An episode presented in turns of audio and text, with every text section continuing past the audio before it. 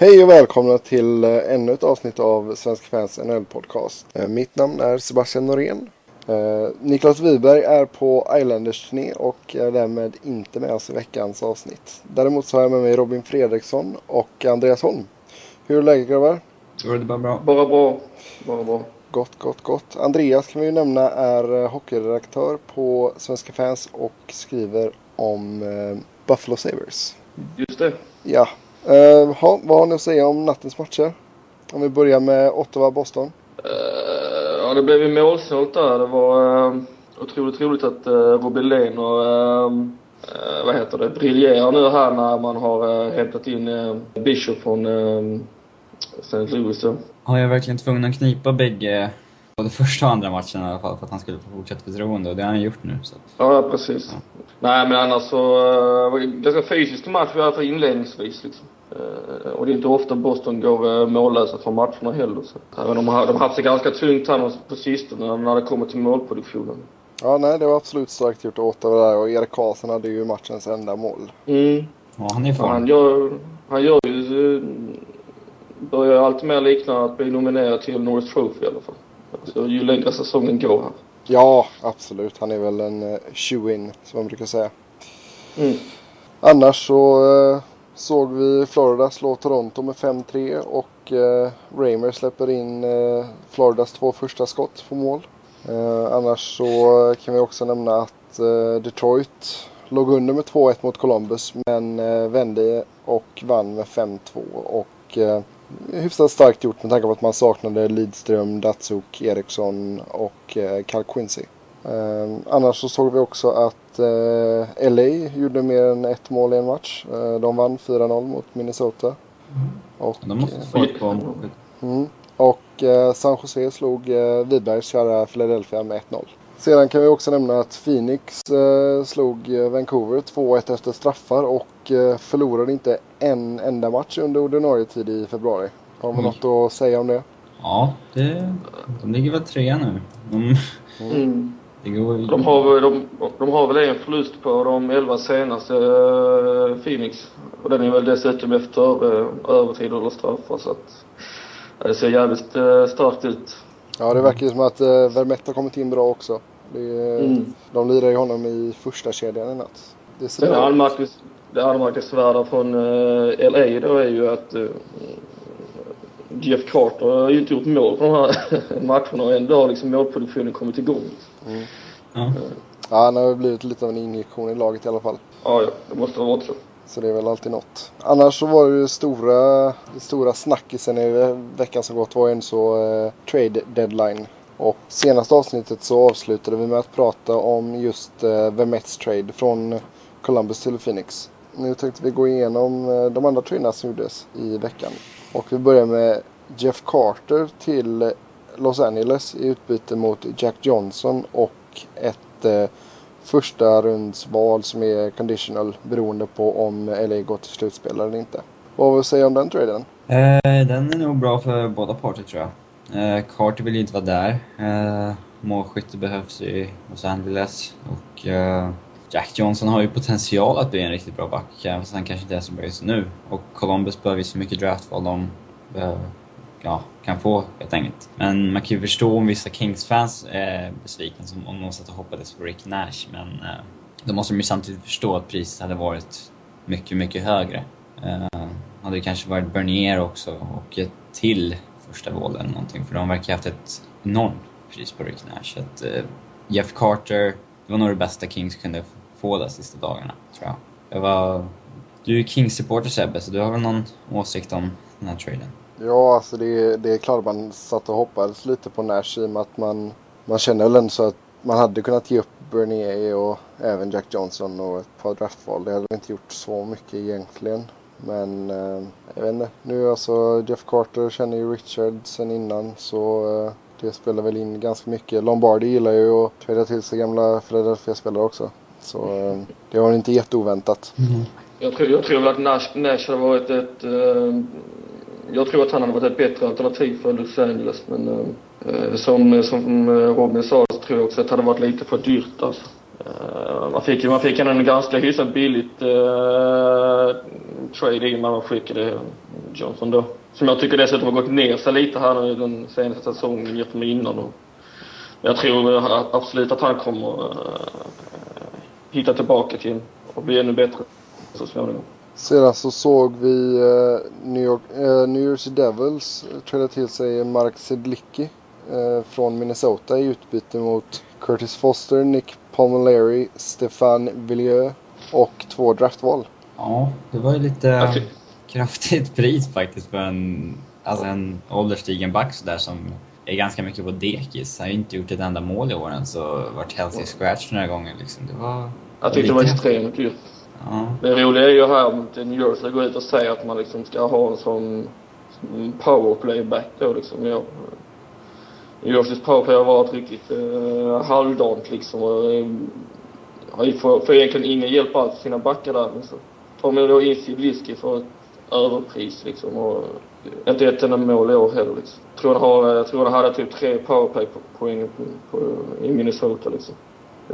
Ja, de kollar nu på gamla meriter på honom alltså. Ja.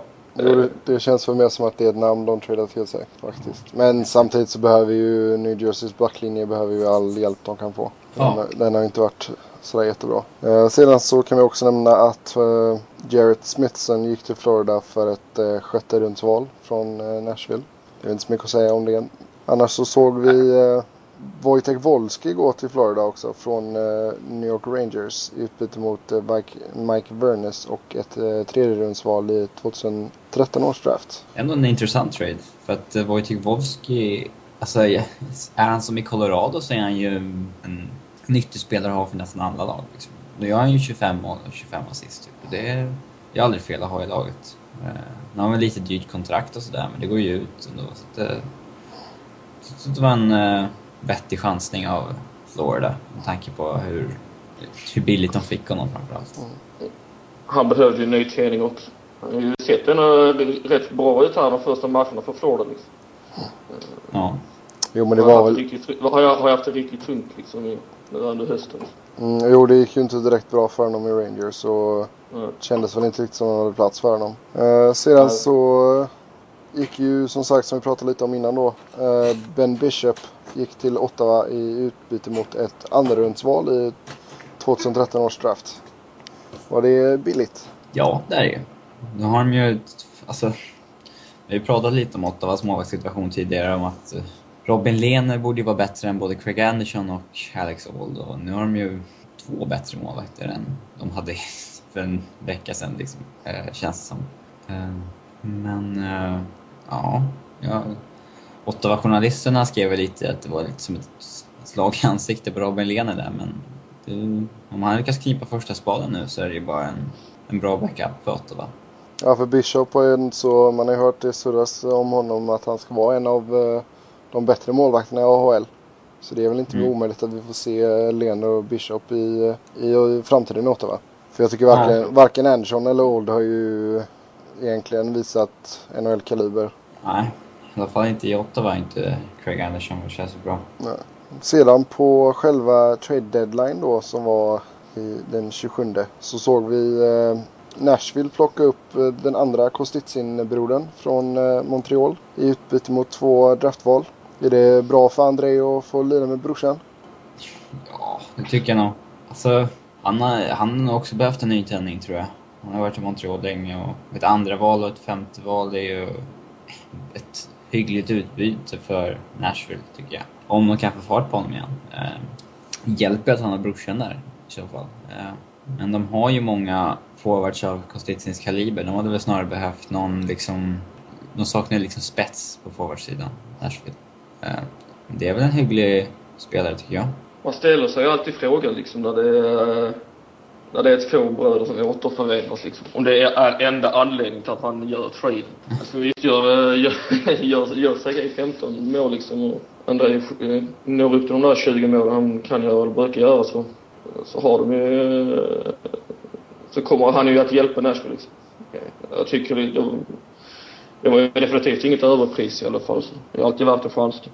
Sedan så såg vi Detroit skicka iväg eh, Mike Commodore till eh, Tampa i utbyte mot ett eh, sjundevals. Vad har vi att säga om det? Max kör Iceman och Holland är polare i alla fall. som, ja. Alltså de, de berättade ju att de började snacka om det redan vid Quincy-traden och sa att eh, de förmodligen skulle släppa Commodore och frågade då om Tampa var intresserade, skulle vara intresserade då om ett par dagar kanske. Då var de det och ja, Commodore är väl, ja det var ju ett par år sedan han var bra. Eh, men eh, han har varit typ sjunde, åttonde back nu i Detroit. Nu tog de in Quincy. Så att, eh, och så vill de ju flytta upp han Brandon Smith. Mm. Så att, ja. Han Känns var ju ju riktigt bra när han var i Carolina. Han var ju riktigt bra när han var i Carolina. Jag, jag blev så lite överraskad. Jag trodde inte att Tampa skulle köpa in liksom en back som Commodore liksom. Men uh, det ligger väl, någonting i, ligger väl någonting i att de är bra vänner, vänner där då. Jo, sen det var ju lite snack också att de, eh, de vill ge Commodore en chans att få, han ville ha speltid så han kunde få, han sitter på utgående kontrakt och så att han kunde få en chans att spela till sig ett nytt kontrakt då. Och då sa Detroit att de inte kunde ge honom den chansen så då, det var väl också en del av varför han tog flyttlasset till Tampa. Sedan så såg vi eh, en trade mellan Edmonton och Minnesota där eh, Edmonton fick Nick Schultz och Tom Gilbert gick till Minnesota. Vad har du att säga Ja, om det var det, ju- Andreas? Uh, nej, det var lite intressant där att uh, Nick Schultz blev ju avkallad från träningen liksom. Uh, spelat hela säsongen, eller hela sin karriär i, i Nej, men jag tycker det, det blir väl intressant liksom. Framförallt skulle det bli kul att se Tom Gilbert i Minnesota tycker jag, som är en rörlig back liksom. Och han är, är från Minnesota så att jag tror det kommer att bli bra. Uh, Schultz defensivt defensivt uh, riktigt stark tycker jag. Känns som ett, som ett eh, ganska så uh, värde, om man ser till värdemässigt så är det ju ett byte rakt av liksom. En ganska så uh, jämn, jämnvärda spelare. Robin, någonting att tillägga? Nej, jag, jag är ganska... Det är väl... Mark Crawford satt ju där i studion och var exalterad över att det var en riktig hockeytrade den här gången och inte fråga om att skicka cap hits fram och tillbaka för att, ja... Eh, de byta typ av backar liksom. Eh, men, ja. Eh, Har du något att tillägga Sebbe? Nej, alltså jag, jag tycker Andreas tog tag i det mesta där faktiskt. Men det, är- det är ju kul att du nämnde Mark Crawford där för de, de försökte ju så gott de kunde i eh, TSN-studion och eh, ha, liksom, få det att verka liksom stort. Ja. Det, blev, det blev nästan parodi till slut liksom. Ja, och sen eh, för nästa trade, eh, den försökte de ju snacka upp ganska mycket också. Så Robin, du kommer få ta den här. Eh, Toronto fick Carter Ashton och Tampa fick eh, Keith Oley. Monster-traden. Ja. Ja, de fick hålla presskonferenser och snacka om... Ja. Det är väl en Det är- normal trade egentligen. Ja, det är ju en prospect mot prospect. Ja. Däremot så har man ju hört att Ke- Keith Oley ska vara en riktig bjässe. Brian Burke sa att Toronto scouter hade hållit på honom ganska länge om Carter Ashton. Så att, eh, Man Vi vet om-. Jag sitter om, sitter om fem år och pratar om den här traden om hur stor skillnad det blev till slut. Båda backarna briljerar i NHL. Man Ja, vet aldrig. nej, exakt. Ja. Sedan så såg vi en eh, stor trade mellan eh, San Jose och Colorado. San Jose plockade upp Daniel Winnick och eh, TJ Galliardi och även ett sjunde val i nästa års draft mot eh, Jamie McGinn, Mike Conley och eh, Michael Sagabosa. Eh, Robin, hur känner du som Colorado-fantast? Ja, de, de flesta ser man kan dela upp den här i två delar. Att de byter Galliardi mot McGinn. Det är ju de som kommer vara i NHL. Liksom. Eh, fjärde line-spelare. Jag gillar ju allt, jag har alltid gillat TJ Galliardi. Han visade ju upp stor potential för några år sedan men han har varit skadad mycket och det är sen dess. Så att de... Eh, många tror att det har med ägarna att göra, att han vill byta in en ännu billigare spelare hela tiden. Han är ju känd för att vara lite snål. Eh, men eh, Jamie McGinn, det... Ja, det är väl en vettig chansning sådär. Eh, sen så byter man ju Daniel Winnick och ett sjunde val mot två stycken prospects. Eh, Mike Connolly är ju tydligen eh, en bra AHL-center. Typ, han, är, han ligger tvåa i målskytte ja, i AHL. Eh, gjort näst flest mål tror jag. Jag vet inte riktigt. Något sånt var det. Eh, och sen så Michel Scarbosa. Vem nu det är. Men han har ju vettiga siffror från Ontario Hockey League i alla fall med 80 poäng på 50 matcher någonting. Eh, så att, eh, ja. Det folk är lite oroliga för i Colorado det är att man byter bort två spelare som alltid spelar boxplay i stort sett. Och boxplay har fungerat bra och då får man, ja, får ju bara Landeskog eller några av de mera offensiva spelarna gå ner och sköta det också. Ja, så vi får väl se hur det går. Man tog ju in, man tog in Downey här förra veckan. Han råkar ju ha en riktigt uh, formtopp nu liksom. Han är ja. en spelare som kan göra det jobbet som Gagliari gör liksom. Ja, verkligen. verkligen. Uh, ja, då, förra traden visade sig ju väldigt lyckad. Downey alltså. Uh, mm. Om man bara ska bedöma så snabbt. Uh, ja. Den här så... Det här är ju nog svår att avgöra förrän om några år. Om uh, varken Connolly eller Scarbosa blir några NHL-spelare så är det väl ingen win för Colorado kan jag tycka. Men... ja det, nej, den här är ju svår att avgöra förrän om några år, känns som. Sedan så såg vi uh, Matt Gilroy gå till Ottawa i utbyte mot uh, Brendan Lee till uh, Tampa. Något Andreas vill säga om den? jag vet inte. Så Gilroy här i natt. Jag vet inte vad jag ska säga. Det är väl ingenting som kommer att förändra någonting direkt Nej. i några av deras försvarshierarki om man nu säger så. Mm. Men Nej, men jag tror nog att Gilroy är nog glad att han går till ett lag som ändå så har chansen på ett slutspel. Ja. Om man inte gillar sommar och sol. Ja, nej men jag, alltså, jag, ja, jo sant. Och uh, lite orkaner och grejer. Nej. Ja. Uh, nej, Commodore jag... skrev ju något sånt när han gick till Tampa. Han skrev det på Twitter typ såhär woho, sunscreen. Ja, ja visst. Time to pack the sunscreen. Mm. Ja, sedan så eh, såg vi eh, första träningen med en svensk spelare. Eh, Samuel Paulsson gick till Vancouver i utbyte mot Taylor Ellington och två fjärderumsval som Columbus fick då.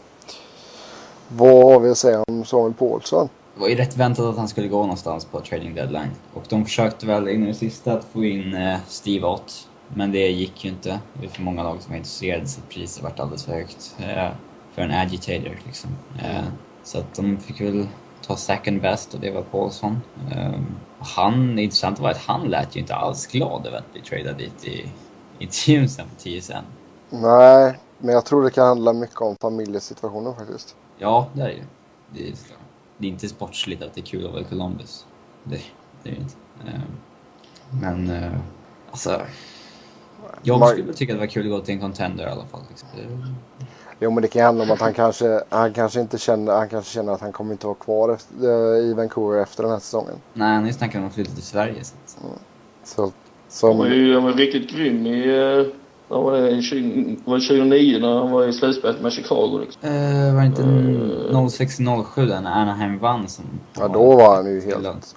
Ja, då var ju bra. Sen så, var, sen så blev han ju traded till Chicago där 29 mm. han dessutom, gjorde han, två mål i det slutspelet tror jag liksom. Mm. Vilket inte hör till vanligheten att Paulsson spottar in mål på så få matcher liksom. Eller spottar in, gör mål.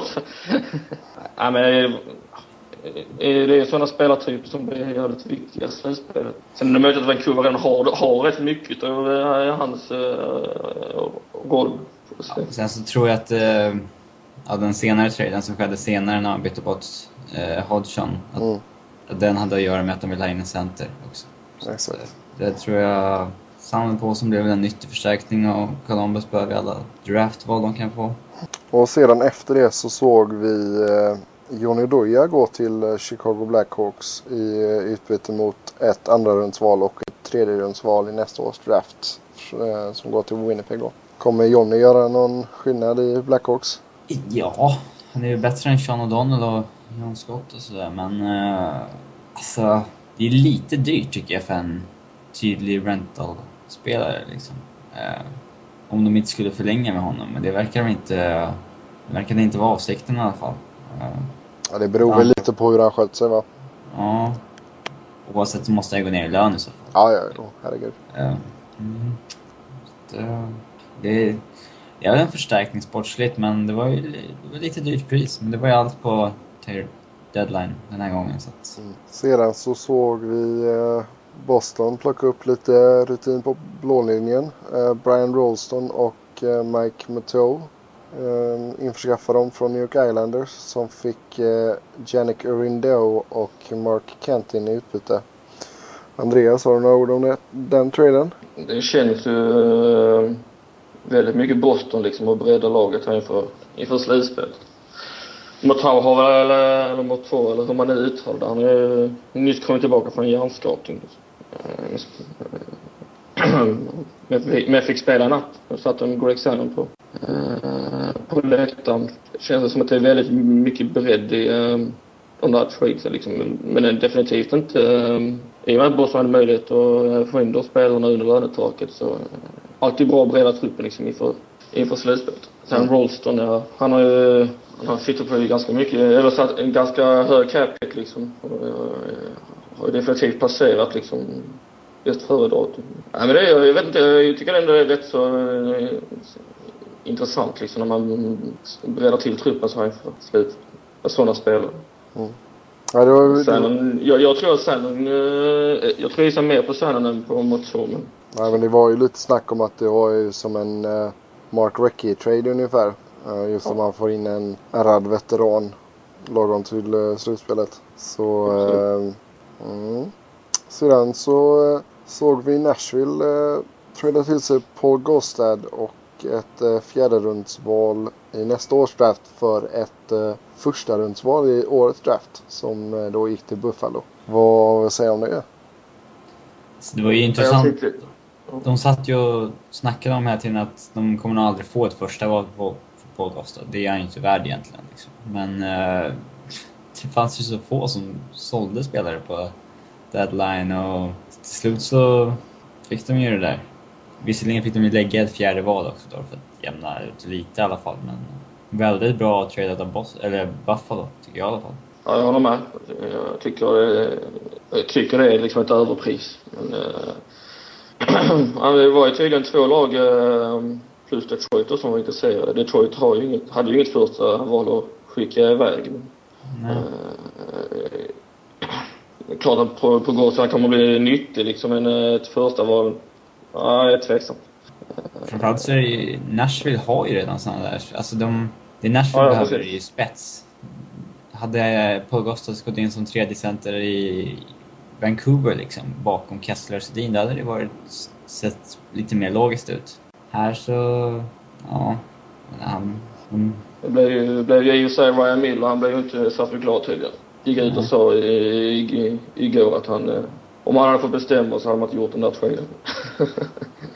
Men det är så, man, man tänker på lagets bästa liksom. Sedan det är mest att det är en publikfavorit som försvinner liksom. Mm. Jo, och sen det andra, Nashville vill väl så visa att de gör någonting också. Ja. Så att uh, Suter uh, stannar.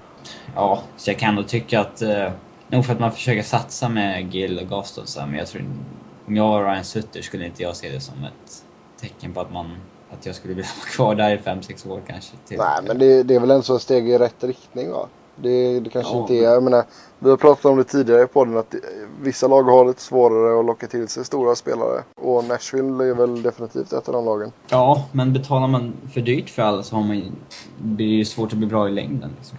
Det blir, Gårsta blir ju uh, restricted här i, här i sommar. Jag tvekar väl på att det sägs ju att Buffalo ska vara intresserat av att signa tillbaka honom då, men eh, jag tror att det liksom är fel väg att gå om man väl skickat iväg en spelare.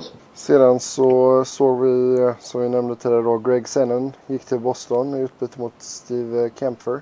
Robin, har du någonting att säga om den?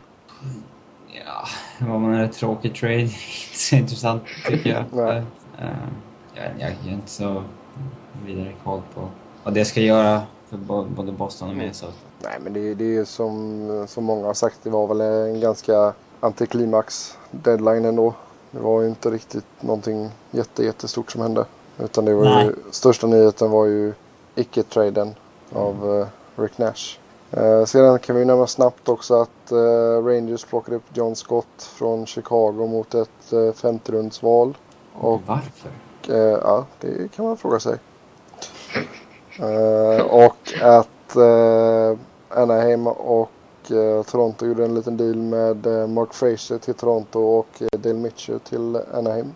Vill vi utveckla det någonting eller räcker det så? Nej, det är inte mycket att utveckla kanske. Nej. Sedan så såg vi vad som av många sades vara den största traden på trade deadline. Eh, Vancouver fick Zach Cassian och eh, Mark Andre Gragnani.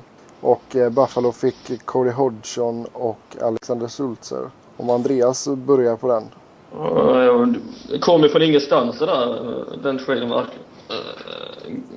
Eh, uh, mot Sulzer, det är väl en liksom, det känns som en bisats liksom. Uh, både Hodgson och Cassian är ju unga, unga forwards. Cassian har ju varit uppe i uh, NHL här ett par gånger den här säsongen. Han är ju betydligt mer fysisk uh, forward än vad Hodgson är liksom. Där är Hodgson kanske mer en, uh, en liksom målskytt för. Och framtida första eller andra eh, center då. Eh, bara för att ju rätt mycket fys här, både släpper släppa kassen och då Paul Gorta som vi snackade tidigare. Så jag förstod på Darcy Regier då, som general manager så ser man att Marcus Foligno då som är i AHL just nu att han kan ta den rollen som Kassen har, eller den spelar, spelarrollen som Kassen i framtiden. Nej, jag tycker det är spännande. Jag har inte sett Hodgson så jättemycket den här säsongen liksom. Han har ju gjort en 16 mål liksom. Och Vancouver-fansen var väl inte särskilt nöjda. Nej, men de... Eh, alltid sådär när det kommer upp eh, att Cassian var, skulle till Vancouver, då alla, blir alla jätteglada och sen så upptäcker de att vi behövde ge upp någonting bra för att få honom också. Liksom. Mm. Då blir alla värsta chockade. Men alltså, det här är väl en win-win för alla parter i stort sett på sikt. Även fast det kanske inte är så kul för Hodgson att gå från en contender till Buffalo just nu. Men han kommer aldrig komma förbi Sedin eller Kessler till någon centerposition i Vancouver. Så är det ju liksom. Uh, och i Buffalo, där går man väl typ in som första center. De har väl en av NHLs svagaste centeruppsättningar liksom. Uh, ja, nej men jag tror han kommer väl... Uh, jag ser väl andra kedjan då. Derek Roy är väl ändå... Han får nog behålla sin plats i första kedjan. Sen är det ju Ville Lane och Tyler Ennis liksom. Cody McCormick. så det... Ja, vi får se. Sen, uh, sen Graniani liksom. Ja. Sarkassian fyller ju lite mer en roll i Vancouver. De vill ju ha in lite mer muskler och ja, hade ju ställ, bra ställt på centerpositionen redan och vill få in muskler. Så att man byter ju en, en talang mot en talang. Helt enkelt vara den, typ, den spelartypen som man själva behöver istället. Så att, ja. Jag tycker ju att bägge klubbarna gör det ändå smart. Det är, det, det är lite vad de behöver och eh, jag tror att det gynnar båda spelarna på sikt också. Framförallt Hodgson som kommer få betydligt mer alltså, förtroende i, i en centerroll i Buffalo än han fick i Vancouver. Vad tycker du om traden då Sebbe? Nej men jag tycker det, det är som du säger där, Vancouver vill ha in lite mer muskler för de kan ju se lite tunna ut ibland. Jag, jag försöker ändå så kolla en del på Vancouver med Sedinerna och sådär. Det, eh, det, jag tror det är bra att få in lite, lite mer size då inför ett slutspel faktiskt. Och som du säger där, Kari Hodgson, han har ju talangen och det, det kommer nog göra honom gott att få eh, lite mer press på sig. Så att han måste pusha sig själv. Sen eh, Gragnani och Sultra har vi inte så mycket att säga om faktiskt. Gragnani är ju väldigt offensiv. Eller var han ju väldigt bristfällig i det defensiva. Sen så verkar ju Rudier verkar ju gilla tyskar liksom. Nu har vi tre utav sex tyskar i NHL. Vissa kör svenskkolonier, andra kör nya, nya tyska riken då. och Florida två utav samlas på samma ställe. Mm. Eh, sedan så avslutades trade deadline-dagen med eh, ännu en Vancouver-trade. Eh, Vancouver fick Andrew Gordon och eh, svenska Sebastian Eriksson gick till eh, Anaheim. Är det bra för Sebastian att hamna i Anaheims organisation? Det sägs det. Jag har inte direkt koll på Manitoba Moose, tror jag, där han spelade. Uh, uh, men han fick ju tydligen inte så mycket speltid i deras AHL-lagen, så att... Uh, bra att testa något annat. Jo, men det känns väl som att han, han har en ganska lång väg innan han kommer att vara i NHL, va? Ja, definitivt. Så det, det känns ju inte som någon flytt som kommer göra att han är given NHL nästa säsong liksom. Så att, det är väl säkert bra liksom. Vad, vad säger ni allmänt om trade deadline? Andreas, du var ju eh, en av dem som eh, satt framför datorn och höll koll på deadline-tracken på Svenska fans. Man befarade ju att det skulle bli eh, som i fjol och det blev det ju. Det blir ju inte alls... Vi hade ju så rätt mycket trades innan deadline-dagen tyckte jag så att... ja, det smäller till lite de sista timmen som det brukar göra och i och med att jag följer Buffalo så väldigt int- intressant till slut. Eh, hade väl hoppats att det skulle hända någonting med Ryan Nash då. Det är väl det. Robin? Alltså det var... Problemet var att det var för få klubbar som ville göra sig av med spelare och för många som ville köpa och då gick priserna upp. Och det var bara några, som var tillräckligt liksom, desperata för att ja, ge upp ett första, första val på Paul Gastad och sådär. Liksom. En annan trading level han kan kanske bara kostat ett andra val liksom. Nu eh, var väl det som var problemet i stort sett. Sen, eh, ja, det är väl som det är. Den stora snackisen var ju annars icke-traden av eh, Rick Nash som eh, tydligen då hade eh, lämnat in en begäran att få bli tradad. Och eh, New York Rangers var ju ganska sugna på att knyta till sig Nash men eh, kände att eh, priset var lite väl högt. De Ja. erbjöd väl, erbjöd väl eh, Dubinski och Tim Eriksson och eh, deras first round pick från, från förra året. Då. Bland annat. Och ett första val i sommar, vilket jag tycker är ganska mycket. Men jag kan ju förstå att Columbus inte eh, vågar den traden liksom. Man vet ju inte om eh, de här första eh, picklagen blir, eh, eller spelarna blir, blir riktigt bra i NHL till slut liksom. Eh, Dubinski och Tim Eriksson är väl inga namn liksom heller och, som, eh, som känns tillräckligt bra. Scott Housen sa ju att framförallt så var den stora snackisen att han sa att det var Rick Nash som hade kommit till honom och bett om att få bli traded. Eh, Det är väl inte så svårt att lista ut egentligen men alltså det var ju ändå en stor grej att han sa att det var så liksom. Eh, Sen eh, hade de ju tydligen en gigantisk prislapp på honom och det sa han också. Det tänker man inte be om ursäkt för för att den ska vara hög. Men de ville väl ha Michael Del Sotto, Dubinski, ett första val och en, en vettig prospect, typ. Det ryktas ju om Derek Japan också liksom. Och McDonald, alltså det är ju namn som eh, har vuxit enormt i Rangers liksom. Ja, alltså man ger inte... När Rangers för första gången på hur länge som helst faktiskt har ett bra lag, då byter man inte bort tre, fyra grundspelarna i det för att få in en stjärna. Liksom. Nej, Eh, precis. Sen så tror ju många att Rick Nash, den här listan på lag han kan tänka sig gå till, kommer minska i sommar, men det, det tror jag inte riktigt på för att det är kanske tio klubbar eller någonting i sommar som kommer ha ett tillräckligt bra lag för att alltså, kunna utmana om en Stanley Cup. Och den klubben som får in, alltså den som är tionde bäst, för den är Rick Nash, då blir de helt plötsligt en, en alltså kanske en favorit att vinna. Det är, det är liksom, det är många klubbar som han skulle kunna gå till för att han själv skulle ju bara boosta laget så mycket så att de kan bli en contender liksom. De skulle bli en contender. Men eh, alltså vet man inte hur det där kommer påverka att han gick ut och sa att Rick Nash ville lämna eh, i sommar. Eh, jag vet inte om det gör att priset går ner lite grann i sommar eller... Det lär ju knappast driva upp priset i alla fall.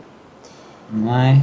Sedan så var det väl lite snack om också hur han skulle reagera på att han inte blev tradad och han såg ju helt okej ut i matchen i natt mot eh, Detroit. Det måste jag ju säga. Han eh, blev ju tilldelad eh, ett mål även fast det var eh, en Detroit back som lyckades pilla in pucken i egen kasse men de kör ju inte med självmål så då blir det Nash som fick det.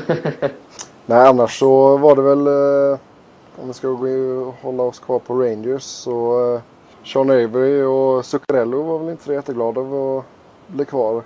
Nej, det tror jag inte. Det, kän, det känns väl lite, alltså jag kan ju tycka att det känns ju lite fel att ha en sån talang som Zuccarello i AHL. Ja, det tycker jag. Samtidigt så kan man ju samtidigt förstå i och med att Rangers går som tåget så kanske det inte riktigt finns plats för honom. Men det det är ju synd att en sån lirare är, är och harvar i eh, Connecticut.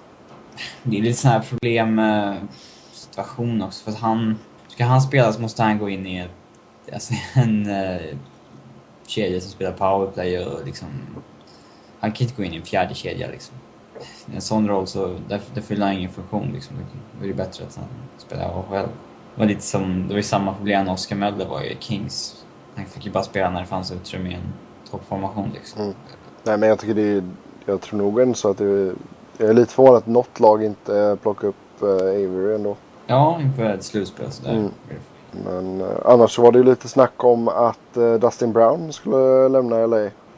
Men han stannade och efter att det började snackas om att han skulle lämna så smällde han ju till med ett hattrick. Ja. Nej, det känns väl... Här känns det konstigt om Kings hade skickat honom faktiskt. Men det är klart. Nej, problemet för Kings är ju att man, man sitter ju med en hel del ganska feta kontrakt nu och väldigt långa kontrakt framförallt. Det blir spännande att se hur de kommer att bygga laget. Det blir att man får anpassa sig jävligt mycket efter de här fem, fem spelarna som sitter på långa kontrakt. Och sedan ska man ju signa Quick också i sommar på ett längre och han lär väl få åtminstone fem år. Ja, och fem i capita kanske. Mm. Någonting. Ja, han har ju visat, jag menar, ända... han är väl den största anledningen till att eh, Kings fortfarande har en realistisk chans att gå till slutspel. Ja, nej. Alltså, det måste vara en jobbig situation att ha så långa kontrakt för spelare. För att spelar de vidare så kanske inte fyller så stor funktion då liksom. Men då har du ändå dem på den där capiten. Liksom. Det... Jo men det var, ju, det var ju det som var lite grejen också att vissa var lite missnöjda med Carter-traden. I och med att han har typ 11 år på kontraktet. Ja. Och det finns, det... det finns liksom ingen morot. Liksom, vad, han kan bara glida. Ja, verkligen. Uh, han, han, kan, han kan ju inte spela till sig ett bättre kontrakt på något sätt. Liksom, eller det där. Det, hans kontrakt går ju ut liksom. Mm. Sen, eller det går inte ut men jag.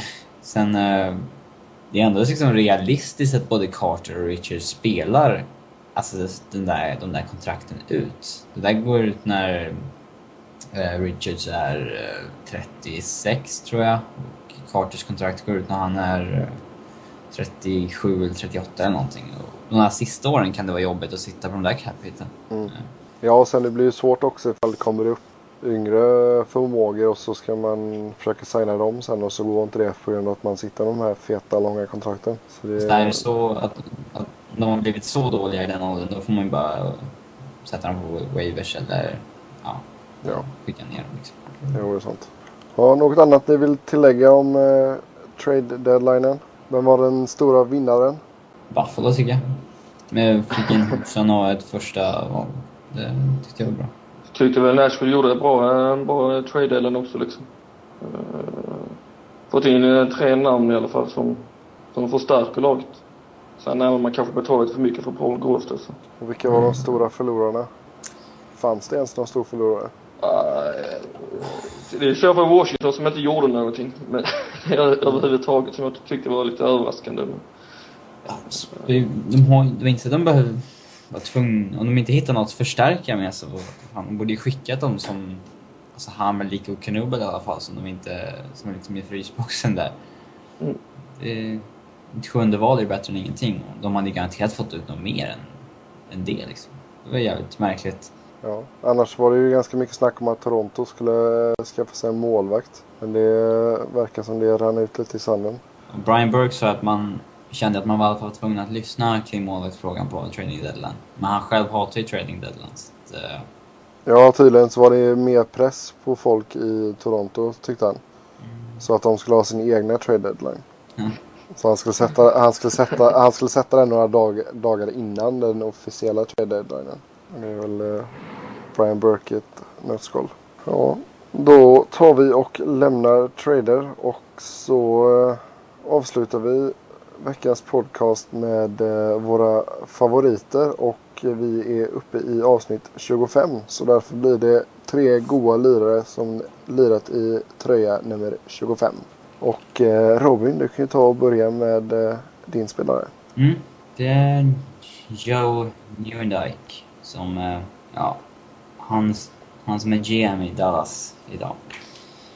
Han äh, draftades 1985 av Calgary Flames. Äh, spelade på Cornell University fram till han var 22 år. Spelade JVM 86 också. Äh, sen så plockades han in i Flames där han redan första säsongen gjorde 92 poäng. Och ja, en av ligans bästa spelare redan då. Fortsatte i samma veva med 50 mål året efter det också. sen 95 poäng och blev sedan liksom lagkapten i Flames. Eh, var där totalt i eh, åtta år. Var lagkapten i fyra av dem. Sen så skickades han till uh, Dallas Stars. Där, det är väl den klubb som jag kommer mest förknippa med honom i alla fall eftersom han alltid var där när man kollade på hockeybilder och sånt där när man var liten. Uh, där blev han kvar i sju år. Var en, alltså en väldigt bra spelare liksom. Han, han var alltid nyttig vart han spelade. Eh, men eh, efter eh, efter sina år i Dallas så tradades han till New Jersey Devils. Eh, sen sedermera också till Toronto och Florida innan han la av eh, som... Eh, och då blev han ju då assistant GM direkt i Florida. Eh, sedan också assistant GM i Toronto innan han nu blev GM i eh, Dallas Stars. Eh, han är invald i Hockey Hall of Fame. Uh, har vunnit Stanley Cup vid tre tillfällen. Han har också Calder Trophy som NHLs bästa rookie. Um, vann också Conn Smythe Trophy, det vill säga som slutspelets viktigaste spelare för Stanley Cup-vinnande laget. Ehm, just nu så är han ju som sagt GM i Dallas och där tog han ju det riktigt tuffa beslutet att, att vara tvungen att säga till sin polare Mike Moderno att han inte får nytt kontrakt. Liksom. Inget han ville göra men han tänkte vad som var bäst för Dallas och hur bra Mike Moderno var sista åren. Har ni något att säga om John Newendike? Ja, en skön lirare. Så, som du säger där, just hockeykorten och sådär. Men då är det Dallas som gäller för Joe. Mm. Nej men det var, det var en bra spelare. Jag menar han har, gjorde över tusen poäng. Och det, det är inte alla som gör. Nej, verkligen. Han gjorde ju 1126 poäng på 1257 matcher. Han snittade ungefär 0,9 poäng per match och det är alltid, det är alltid en bra siffra. Liksom. Det, så är det han kändes också som en ganska stabil uh, slutspelsspelare också. Ja, det gjorde han verkligen. Uh, han klev fram det slutspel 98-99 för Dallas också. Uh, 21 poäng och vann ju Conn Smythe Trophy när Calgary vann 88-89. De har ju pensionerat hans tröja också på hans uh, universitetet där han gick faktiskt. Jag vet inte hur vanligt det är men... Ja, Cornell. Ja. Där även Douglas Murray har spelat om jag inte missminner mig. Det är mycket möjligt. Faktiskt. En bra knappa Robin för datorn här. ja, jag fuskar inte. Mm, ja, där har han spelat. Han har varit lagkapten till och med. Sådär ja. Cool. En bra kan vi knyta in Douglas Murray i diskussionerna alltid då. Ja. Kanske hissar i taket han också. ja. Ja. Tveksam kanske. Andreas, jag såg att du valde Jörke Lumme. Uh, nej. nej, det är väl ingen, uh, ingen skräll kanske. Um, valt uh, Dave Andrejchuk då. Som egentligen var som bäst uh, när jag var väldigt ung, men det är en spelare som har lärt sig uppskatta i efterhand. Var uppe och snuddade på ehm, 100 poäng när han var i Toronto Maple Leafs. Men väl uh, framförallt spelat i Buffalo Sabres då under början av sin karriär. Otroligt eh, uh, duktig powerplay-spelare och blev sen eh, uh, traded till Toronto. Uh, med ett uh, förstaval som uh, råkade bli Kenny Jönsson faktiskt. Uh, vilket är en bisats. Eh, Sen till New Jersey och även med spelade Boston och Colorado innan han kom tillbaka då till Buffalo säsongen 2000-2001. Spelade första gången jag då i, i realtid som såg honom i Buffalo. Och då var han väl inte riktigt så, eh, som bra som han en gång var. Sen så avslutade han säsongen då i Tampa Bay där han eh, som kapten fick vinna Stanley Cup. Syns ju ibland idag ju. Han var i Buffalo bara här veckan för Tampa Bays broadcast. Ställde upp i en intervju där och fick frågan varför han inte var i NHLs Hall of Fame ännu. Men han svarade att det var ingenting han som, som han kunde påverka. Och det är väl frågan om han någonsin kommer väljas in då också. Men det är väl inte omöjligt.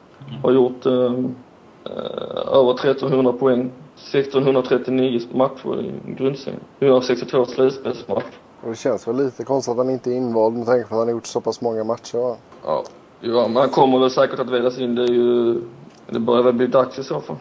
Han är, var ju även den äldsta spelaren att uh, spela sin första Stanley Cup vid 40 års ålder och uh, mm. sju månader. Det är, det är lite noterbart också. Det är kul när sådana gamla spelare får vinna sista åren när de har lirat i 10-15 år och alltid hållit en hög nivå. Ja, exakt. Typ som uh, Ray Bork. Ja. Yes. Då uh, ska vi kliva på min uh, spelare här och det blir en... Uh, Mike, Mike Real. Blir en... Nej, det blir en eh, Montreal-legend. Eh, även, fan det är andra gången jag väljer en Montreal-legend. Eh, det blir Chuck Lemaire. Jag vet inte hur bra mitt uttal var där, men vi kör på det. Han, eh, han vann åtta Stanley Cups med eh, Montreal där han spelade hela sin eh, karriär. Och eh, han är en av sex NHL-spelare som har gjort eh, två eh, Stanley Cup-vinnande mål. Och eh, ja, vad ska man säga? Han eh, spottade in en hyfsad del med poängen då. Han låg väl runt eh, 20-30 mål. Han hade en säsong då han gjorde 44 mål. Det var 72-73. Kan ju nämna att han lirade i Montreal mellan 67 och 79. Och eh, sammanlagt så blev det 835 eh, poäng fördelat på 366 mål och 469 assist på 853 matcher. Och i slutspelet så gjorde han 145 matcher, 139 poäng fördelat på 61 mål och 78 assist. Så eh, han har ett vä välfyllt eh, troféskåp den här killen om man säger så. Sedan så eh, gick han vidare och blev en eh, ganska framgångsrik coach. Han eh, tränade Montreal ett tag. Eh, 83 till 85. Eller han hoppade in där 83-84. Så körde han Montreal 84 85. Sedan så hamnade han i New Jersey eh, 93. Och eh, vann en Stanley Cup med dem. 94-95. Och eh, sedan så eh, tog han över Minnesota Wild Eh, 2000 när de kom in i ligan där. Och hade dem fram till 2009. Sedan så gjorde han eh, comeback i New Jersey mellan 2009 och 2011. Och eh, nu är han, eh, eh, ja, han har en sån här konstig titel här. Han är eh, Special Assignment Coach för eh, New Jersey Devils. Har ni någonting att tillägga om eh, Chuck Lemaire? Kan ju säga att han valdes in i Hall of Fame 1984. Det är väl en av alla legendarer Montreal har från de glada dagarna. Eh, Ja, det var ett jävla lag de hade där alltså. Ja, verkligen. Det var han och Guy Lafleur. Ja, vad mer? Han har ju vunnit uh, Stanley Cup som assistant, assistant uh, general manager också för Montreal vid två tillfällen. Och han var även uh, assisterande coach till uh, Mike Babcock under uh, OS i uh, Vancouver. Så det, han har vunnit mycket den här mannen. Ja. Ja, gäller stort prisskåp. Ja, det är, han har inte plats för alla, har han plats för alla Championship-ringarna på fingrarna. Han får köra tumringar och sånt.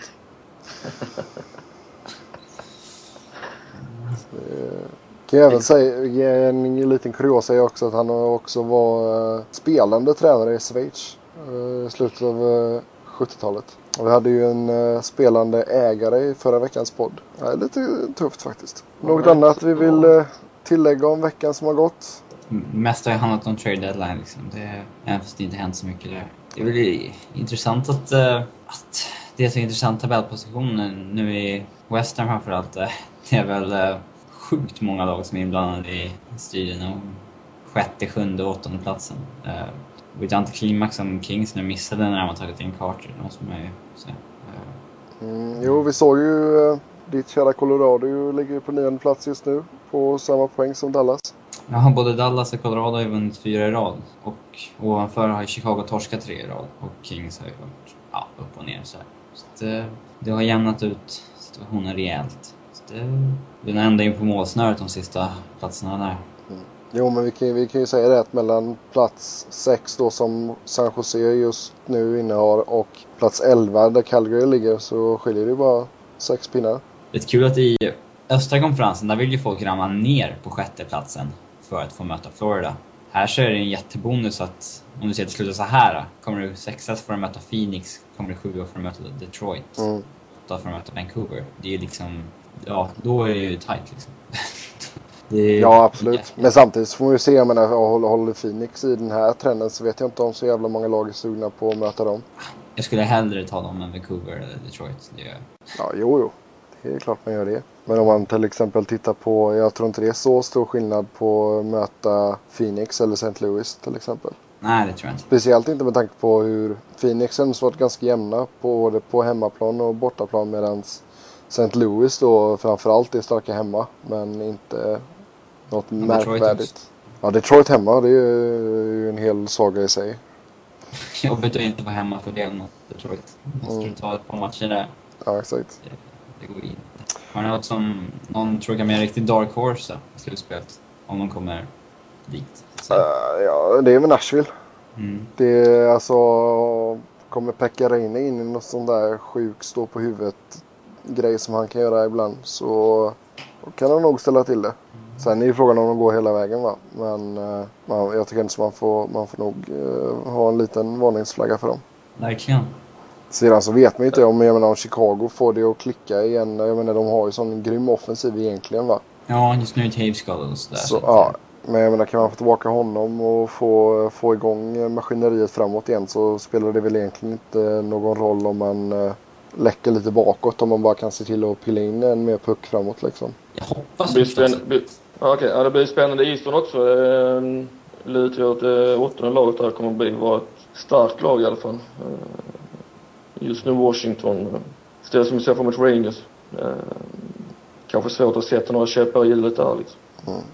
Det skulle väl vara kul att se Winnipeg ändå faktiskt. Jag tycker det skulle vara kul att se Buffalo. Ja, jo. Vägrar ju djup, men eh, det är sju poäng upp nu liksom. Det är, visst, det är 20 matcher kvar liksom. Det ligger inne i spelet lite matcher färre också. Med vissa. Ja. Fem poäng, eller Nej, tre jag- matcher jag färre tror än inte- Winnipeg. Jag tror inte Winnipeg kommer att gå till något slutspel. Eh, Hade jag hellre sett om med både New York och för för Ottawa, men kommer inte hända. Ottawa tror jag också kan eh, röra till det ganska mycket i eh, slutspelet. Framförallt om de får en hyfsad eh, motståndare i första. Pittsburgh eh, som det ser ut just nu.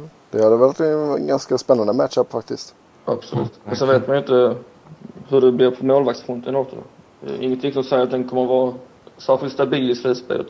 Nej. Det är väldigt många lag som har ett stort frågetecken på, på målvaktspositioner fortfarande. Det är ju Mm. Chicago, Philadelphia, Ottawa. Ja. Florida har väl ingen som de kan luta sig mot i slutspel liksom. Ska vi avsluta med de orden? Ja, visst. Många lag har målvaktsproblem. Ja, det, blir, det låter bra. Ja. Då eh, tackar vi för oss för denna veckan. Som vanligt så eh, vill ni köta hockey så är det bara att skriva till oss på Twitter. Mig hittar ni på Seb Noren i ett ord. Eh, Robin hittar ni på R underscore Fredriksson. Och Andreas hittar ni på Andy Holm i ett ord. Då säger vi hej då gubbar. Hej då. Hej!